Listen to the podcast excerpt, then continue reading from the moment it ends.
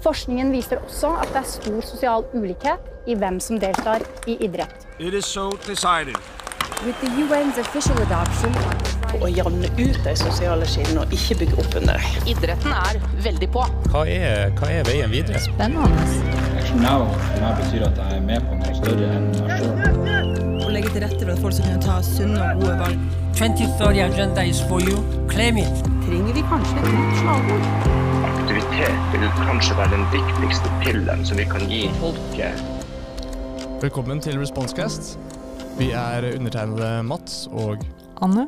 i forskningsgruppen Respons ved Fakultet for samfunnsvitenskap Nord universitet.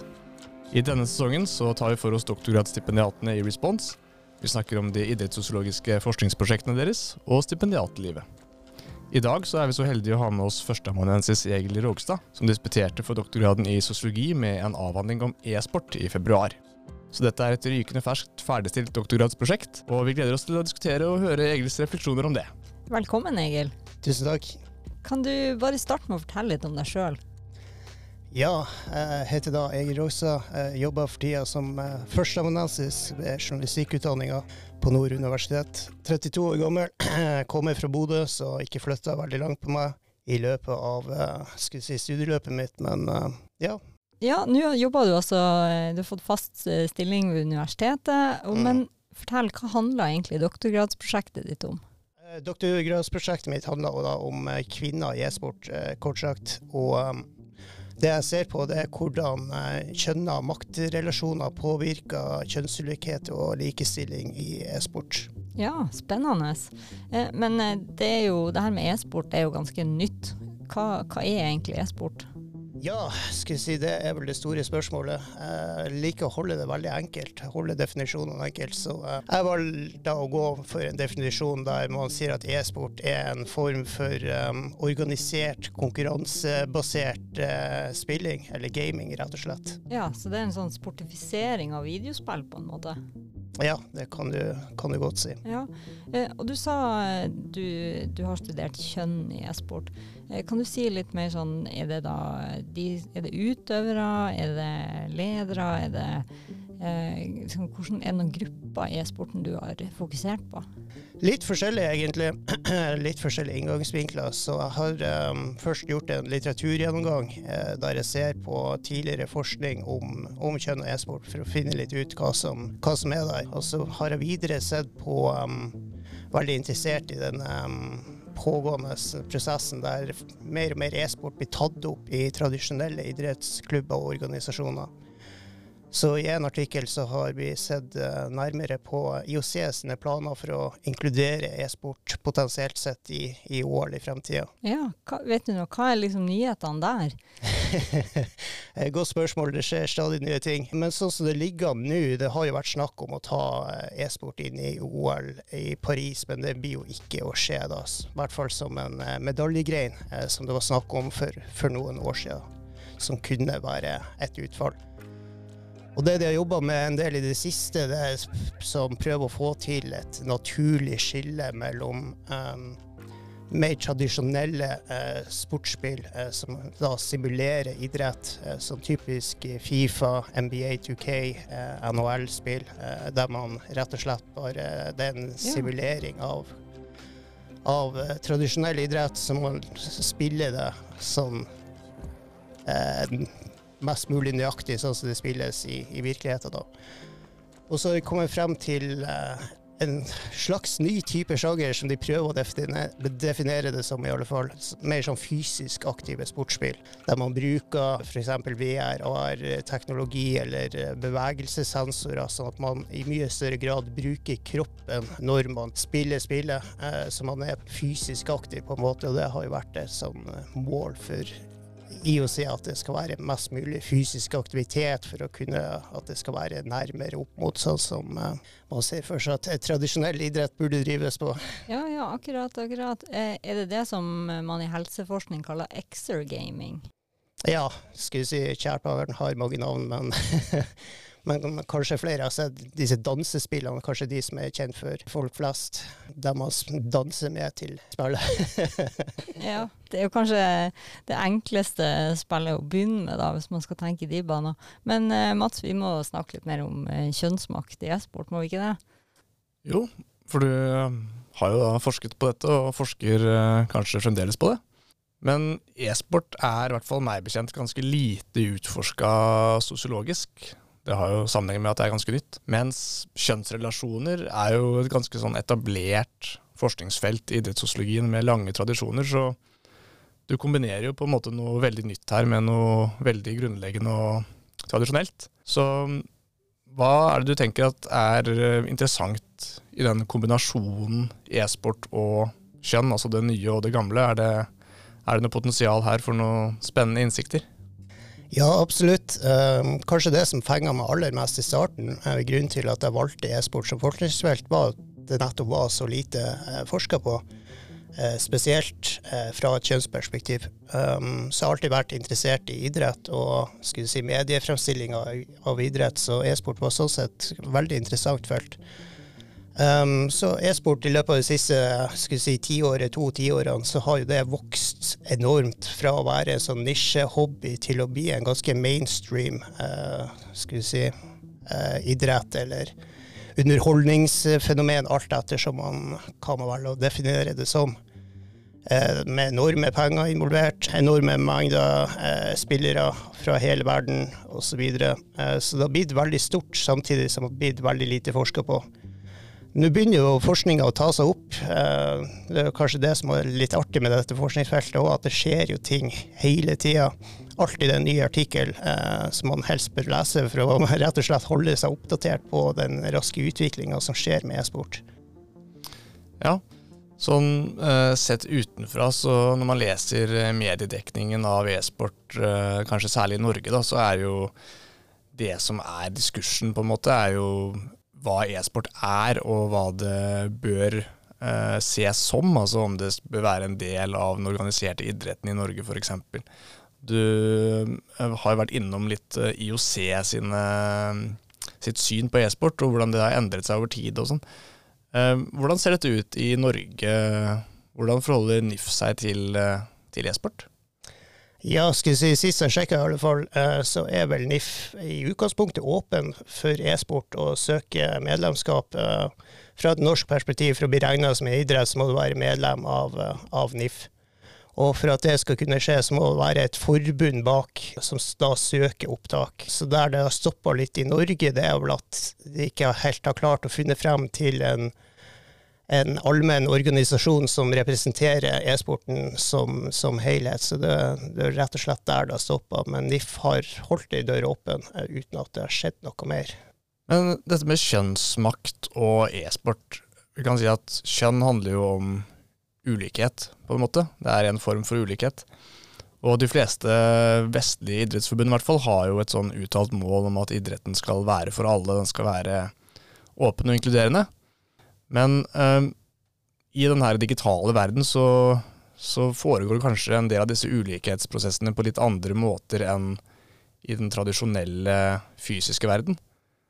Har du noen eksempler på hvordan ulikhet kan se ut på, på nett, for å si det sånn? Ja, som du er inne på, så er det veldig ofte mer skjult enn det er i tradisjonell idrett, si at ting foregår på nett.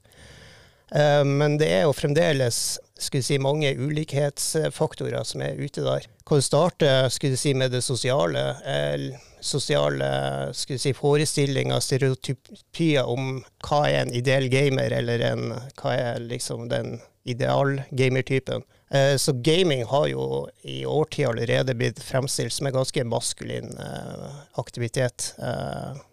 Det er mannlige spillutviklere, det er menn som eier spillselskapene, det er eh, menn og gutter som spiller spillene. Og det har rett og slett ikke vært eh, veldig mange kvinnelige representasjoner. Det ser vi også på, på spillfigurer som, har, eh, som også har forska litt på, at eh, når man spiller spillene også, så er det jo bare menn til stede. Eh, Nå begynner jo det å skulle si, bedre seg. Men eh, også andre faktorer er mer sånn strukturelle. Sammenlignet med tradisjonell idrett eh, så er jo e-sport veldig lite institusjonalisert. Lite trenere, organisasjoner, klubber, forbund som er der og tar vare på spillerne.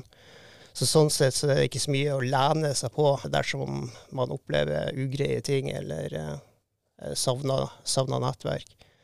Og økonomi er også en veldig eh, viktig del, eh, der man ser at eh, i gjennomsnitt så tjener mannlige spillere 100 ganger bedre enn de, de beste kvinnelige. Det er interessant. Det er noe man ikke ser med det blotte øyet kanskje sånn utenfra, men når man ser litt dypere på det, så ser man disse ulikhetsprosessene. Så disse maskuline normene i e-sportverdenen kan kanskje også forklare hvorfor man har jo hørt om noen kvinnelige spillere som, som later som de er menn, f.eks. For, eksempel, for å unngå trakassering og en del sånne ubehageligheter.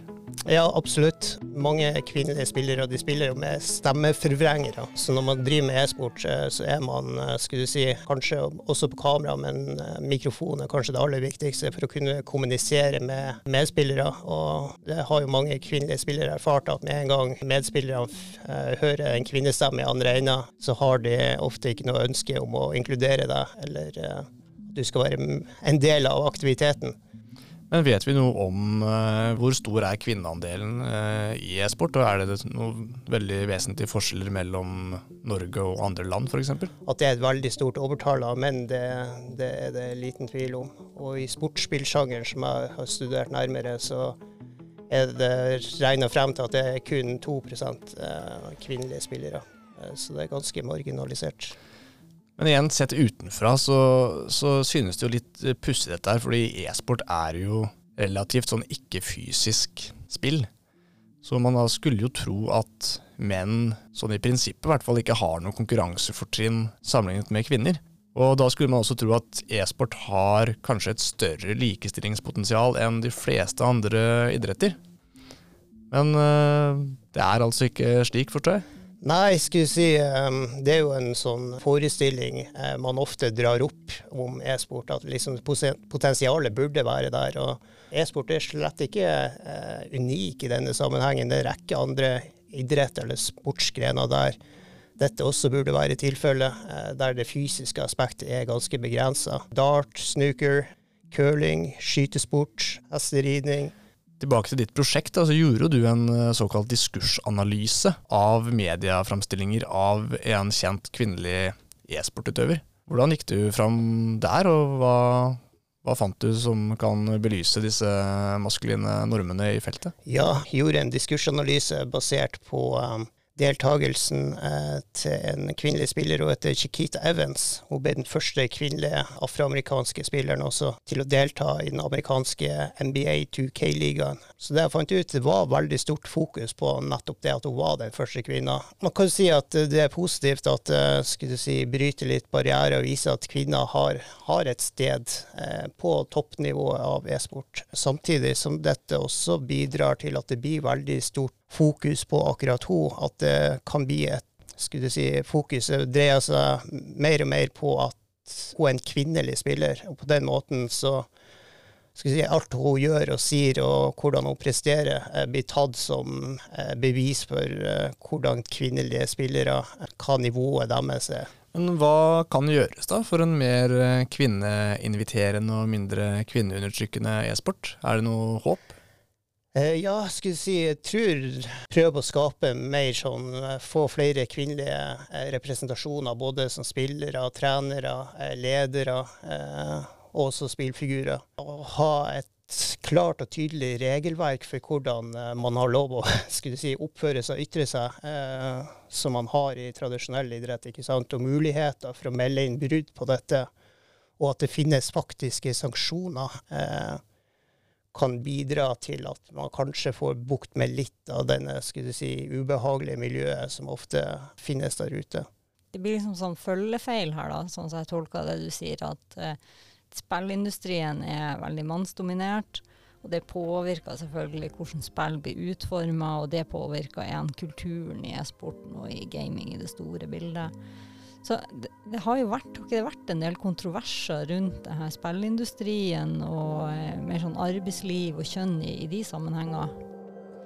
Jo, absolutt. Eh, og det har jo vært store søksmål også, der kvinnelige ansatte i spillselskaper har gått sammen mot å saksøke skulle si, bedriftsledelsen osv. Og, så og det har de jo eh, i noen tilfeller lykkes stort med også. Um, så det blir mye mer fokus også, ikke bare på kvinnelige spillere, men kvinner i industrien. Um, så det er jo liten tvil om at hele spillindustrien, e-sportindustrien, har eh, en betydelig kjønnsproblematikk eh, som de er nødt til å rydde opp i.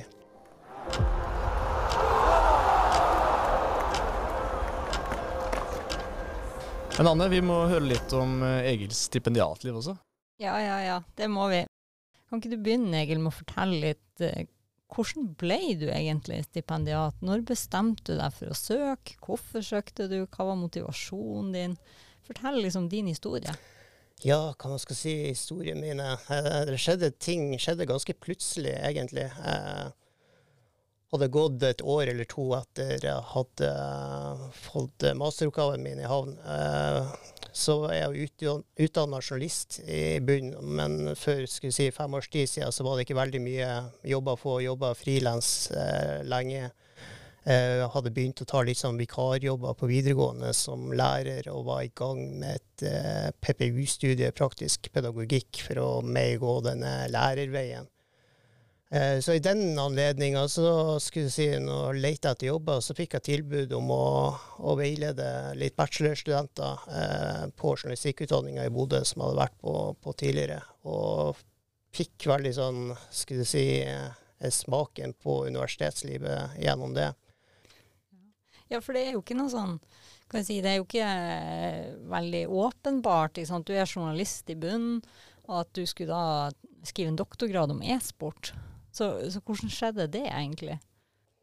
Det skjedde vel egentlig i løpet av liksom de første månedene jeg var på universitetet og jobba videre med skisser og, og mot et opptak på doktorgradsprogrammet, eh, som man da har tre måneder på i, i dette tilfellet, eh, på å jobbe litt, litt, videre med det. Så det var under eh, si, litteratursøkene mine at jeg kom borti litt e-sport. Jeg leste mange bøker om eh, media, idrett eh, og og kjønnsmakt, likestilling, eh, som var et tema som har gått gjennom både bachelor- og masteroppgaven min. Og da var det vel tilfeldigvis et kapittel i ei tilfeldig bok eh, der det står litt om gaming og liksom eh, potensialet som burde finnes der, men ikke er der likevel. Så det var en sånn tanke som var veldig fascinerende for, min del. Ja, for e-sport er jo en sånn eh, rar kobling av mediefag og idrettsfag og selvfølgelig mange andre ting òg. Kanskje, selv om det ikke er åpenbart, så er det ikke helt søkt heller da, at du endte opp der. Men um, da ble det jo tatt opp, ikke sant, og du fikk, uh, ble tatt opp på doktorgradsprogrammet og ble stipendiat. Hvilken opplevelse har du hatt som stipendiat? Det er jo litt sånn spesielt. Uh, det er jo en spesiell jobb å ha, men du har jo også vært stipendiat under covid. Mm. Så fortell litt. Eh, hva var fine ting og vanskelige ting? og ja, skal du si, doktorgraden min ble jo veldig sånn eh, covid-påvirka. Begynte rundt et halvt år eh, før pandemien brøt ut. Så for meg et utenlandsopphold i Sør-Korea og begynte å kontakte universiteter der. Idet liksom man begynte å høre rykter om at det var et eller annet virus borti Asia som begynte å spre seg. Um, så har det jo vært si, veldig spennende også å jobbe i denne covid-tida, for nettopp e-sport var på et tidspunkt så var det vel kun uh, hviterussisk eller belarusisk uh, fotball og e-sport som var gående uh, gjennom pandemien. Det var liksom de to tingene man kunne bette på, f.eks. Så e-sporten har jo holdt seg gående, og det har jo blitt et, si, det ble jo et alternativ for veldig mange når man ikke kunne gå på treningssenter lenger, eh, trene med lagene sine, så var det jo mange idretter som kasta seg rundt og organiserte treninger på f.eks. sykkelspillet Swift, men også løpespill. Eh, så e-sport ble jo på mange måter en måte å holde, holde idretten i, i gang på, på, flere, flere, sett. Ja, men sånn, nå har jo du vært stipendiat i tre år, du har ikke hatt noe undervisning, så da har man typisk tre år på å gjennomføre prosjektet. Um, og da kan man jo ofte snakke om at det er ulike faser i stipendiatprosjektet. Du har liksom en oppstartsfase der du skal finne ut hva du egentlig skal gjøre, og så samler du inn data og analyserer det. og så er du liksom i avslutningsfasen og skal begynne å levere. Eh, kan ikke du fortelle litt om dine erfaringer med de her ulike fasene? Hvordan oppleves det? Som du sier, så er det jo ganske sånn eh, et løp som er lagt opp med en del eh, milesteiner. Eh, det er kanskje hvert sånn checkpoint føles ut som det største og vanskeligste du har vært gjennom. Helt til du kommer til neste, så innser du at det forrige var jo egentlig ikke veldig vanskelig. Men for min del så har det opplevd det som en fin progresjon også, ha litt sånn fokus eh, gjennom avhandlingsløpet, spesielt i den tida der det ble si, nedstenging og hjemmekontor og veldig begrensa kontakt med omverdenen. Så var det liksom det å bare holde fokus på fremdriften i prosjektet ble en måte egentlig å kope på. Så du, du kjente ikke på det her eh, presset rett før innlevering, at det var veldig stressende? Um, kanskje helt på tampen så begynte det, begynte det å gå opp for meg. Eh, jeg begynte egentlig sånn halvt år før jeg skulle avslutte med å prøve å dra ting i hop. så sånn sett så hadde jeg relativt uh, grei tid på å samle tankene, men eh, på slutten så blir man innser jo det alltid ting man kan gjøre, gjøre litt mer og litt bedre osv. Så, videre. så det var litt sånn utfordring å finne ut når er det godt nok. Eh, når skal man bare kunne klare å rive seg løs og bare levere det inn. Ja, det er skikkelig, skikkelig vanskelig. Men du klarte jo det, og du leverte, og da kommer jo eh, den store finalen, disputasen. Hvordan var din disputasopplevelse? Uh, skal jeg si veldig mye følelser. um, veldig intenst. Det føltes uh, ut som man går veldig inn i en sånn boble. Hadde jo invitert en opponent hele veien fra Australia, Emma Witkowski, som er kanskje et av de aller største navnene på feltet. Jeg hadde aldri sett for meg at hun kom til å takke ja til å sitte i komiteen en gang. Så det var veldig sånn ærefryktfølelse. Jeg var veldig skulle si Mange stipendiater føler dette på dette med imposter syndrome. Så det var litt sånn ultimate. liksom... Uh, ja, nå er det det skjer, nå skal jeg endelig bli avslørt. ja, hva, hva, er imposter syndrom på norsk, da, for de som ikke er kjent med det? Eh, hva en god oversettelse blir? Det blir vel liksom bedragersyndrom, ikke sant? At man hele tida går med en følelse at man egentlig ikke er god nok. Eh, at man egentlig ikke eh, hører til i dette miljøet, ikke sant. At Snart så finner de ut at jeg ikke er smart. Ja. Ja. ja men uh, du kom deg jo gjennom disputasen selv med en uh, stor stjerne som uh, opponent. Så da er det vel kanskje på tide å se litt tilbake på prosessen din. Ja, du er jo ikke lenger doktorgradsstipendiat, Egil. Så da er det jo fristende å spørre deg liksom Kan du se tilbake på doktorgradsperioden sånn generelt, altså både faglig og og sosialt og ellers. Er det noe du ville gjort annerledes, tenker du, hvis du skulle gjort dette på nytt, altså vært stipendiat på nytt? Skal si godt spørsmål. Um, pleier ikke å se meg så veldig tilbake vanligvis, men um, skulle si største forandringa hvis jeg skulle ta den på nytt igjen, eh, ph.d.-en, så ville jeg ikke ta den under covid. hvis du fikk bestemme sjøl, liksom. Eh, så det er en del ting jeg føler jeg går litt sånn glipp av. Eh, at man ikke kan reise ut på de store e-sportturneringene som finnes i utlandet, oppsøke spesielt Asia, eh, der e-sport er som nasjonalsport å, å regne. Eh, dit har jeg veldig lyst, lyst å dra tilbake. Jeg hadde jo som sagt en, en plan om utveksling der, men uh, jeg kunne veldig gjerne tenkt meg å dra dit bare for å oppleve e-sporten på, på, på, en, ny måte. Ja, Pandemien er jo interessant her, for jeg var litt i samme situasjon selv. Og det er klart, man får jo reist mindre, åpenbart. Og det er jo synd, fordi doktorgradsperioden er jo en unik mulighet til å uh, være veldig fleksibel i arbeidet, styre uh, progresjon, styre når du skal dra på jobb, hva du skal gjøre en enkelt uke. og Du har mange muligheter til å oppsøke miljøer i utlandet og sånn. Så det er klart det er jo synd at det ikke ble noe av. Men samtidig så kan det være en fordel også at man f.eks. fikk litt mer arbeidsro uh, under pandemien.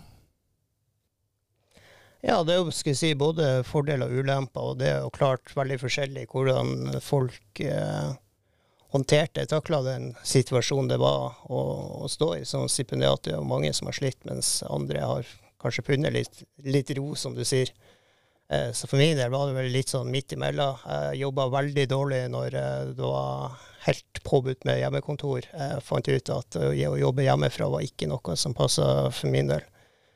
Eh, men heldigvis så klarte jeg å sånn, komme meg relativt raskt tilbake på kontoret gjennom eh, skulle si, eh, fritak, unntak fra hovedreglene. Ja, og det her med hjemmekontor har jo kanskje vært litt sånn underkommunisert i denne diskusjonen om stipendiater og covid. Fordi ja, hjemmekontor kan være kjempefint hvis du har stor enebolig og flott Mm. kontor hjemme, men mange stipendiater har jo ei kanskje ei lita leilighet på 40-50-60 kvadrat, og liksom det er egentlig ikke noe plass til noe kontor hjemme, Nei, for å si det på den måten. Nei, så for min del så ble det bare å sette opp eh, PC-en på lille kjøkkenbordet jeg har borti en krok. Jeg har leilighet på 39 kvadrat- kvadrat eller noe sånt. Eh, Totalpåkjenninga ble rett og slett for stor. Tips jeg skulle ønske jeg fikk høre før jeg ble doktorgradsstudent. Ja, um, vi har jo også en eh, fast post på podkasten der vi em, spør om uh, tips, altså stipendiattips. Så uh, da snakker vi om ting som jeg skulle ønske jeg visste før jeg begynte å skrive doktorgrad. Så Egil, hva er dine tips til masterstudenter og andre som har en doktorgradsspire i magen? Ja, hva man skal si um, Kanskje det å oppsøke miljøer, spesielt på nett, eh, i og med at forskning er så skal vi si, Det er så mange greiner, og når du kommer ytterst ut på tuppene der du helst skal være, ikke sant, som stipendiat, du ønsker å drive forskninga fremover, så du må jo bevege deg mot eh, gjerne de områdene der det er lite forska fra før, og da er det jo få andre som har sett på de samme tingene som deg. Eh, Så det å prøve å finne ut hvem er de få andre som er interessert i mitt felt, og tørre å oppsøke de eh, skal vi si, Det tok litt tid for min del før, jeg torde det, egentlig. Sånn, visste jo godt om hvordan folk det var gjennom litteraturstudien, men det tok lang tid før man egentlig ble kjent med de, får, få et, ansikt på de. Så det å tørre å sende en mail, eh, følge på Twitter, eh, Instagram, eh, sende en melding ikke sant, og bare si 'hei, her er jeg', uten nødvendigvis å ha noe mer på, på hjertet enn det, så blir man fort veldig godt eh, kjent med de menneskene som kanskje er aller mest relevant eh, for forskninga di. Ja.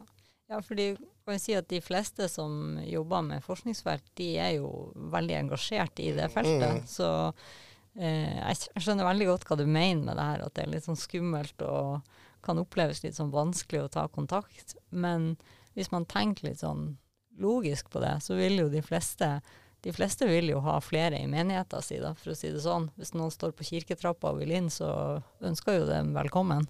Ja, ikke sant. Nei, veldig fort å tenke. ikke sant? Jeg kan jo egentlig ingenting om det feltet, hvorfor skulle de ville snakke med meg? Men også, ikke sant, det, det kan være eh, få skal du si, personer fordi du ønsker å kontakte også, som de er sjøl i kontakt med. ikke sant? Så det er et av de største komplima- komplimenter man kan få som forsker, det er at andre er interessert i ditt forskningsfelt. Så som regel så tar man det bare som et stort kompliment. og og man eh, er interessert med å bli kjent med andre som interesserer seg for det samme. Ja, så eh, det man skal ta med seg fra det her, det er tørre å ta kontakt med andre.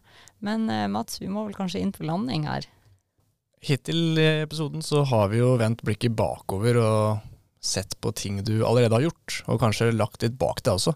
Så det er jo fristende avslutningsvis å rette blikket litt fram, da. Hva, hva gjør du nå om dagen egentlig? Hvordan eh, ser dagene dine ut for tiden? Ja, skulle si akkurat nå så er jeg ansatt som uh, førsteamanuensis i digital medieanalyse, tror jeg det så fint heter. Eh, da har jeg mest med masterutdanninga i journalistikk og kommunikasjon på, på Nord å gjøre, der jeg bl.a. har emneansvar for eh, metodefaget som de masterstudentene har. Utover det så er jeg inne på flere av de andre fagene på utdanninga. Prøver å være litt sånn, skulle si, dra sporten inn. som jeg sjøl eh, savna veldig som student. Eh, sportsjournalistikk eh, generelt er jo en veldig stor del av det større mediebildet. Men min opplevelse var at det blir veldig lite prata om, på, i hvert fall på utdanninga her. Eh, så jeg prøver å eh, dra det inn der jeg, der jeg kan, egentlig. Begynte å pusle litt med en idé om ei lærebok eh, på norsk i, i sportsjournalistikk. Eh, eh, så har litt den i, i bakhodet. Eh, men utover det så er det veldig mye si, arbeidskrav og undervisningsplanlegging nå. Men jeg håper at våren blir litt mindre undervisning, så da håper jeg det blir litt bedre tid til å tenke neste steg i, i forskninga. Så bra, det er vi glade for i hvert fall. Da sier vi tusen takk til eh, Egil, vi, og til deg som hørte på. Som vi alltid sier her i Responsecast, følg oss der du lytter til podkast. Neste episode handler om teknologi og overvåkning av støvere. Det handler om å skape seg gode vaner. Idretten er veldig på. Lykkes vi godt nok med idrett og fysisk aktivitet for alle?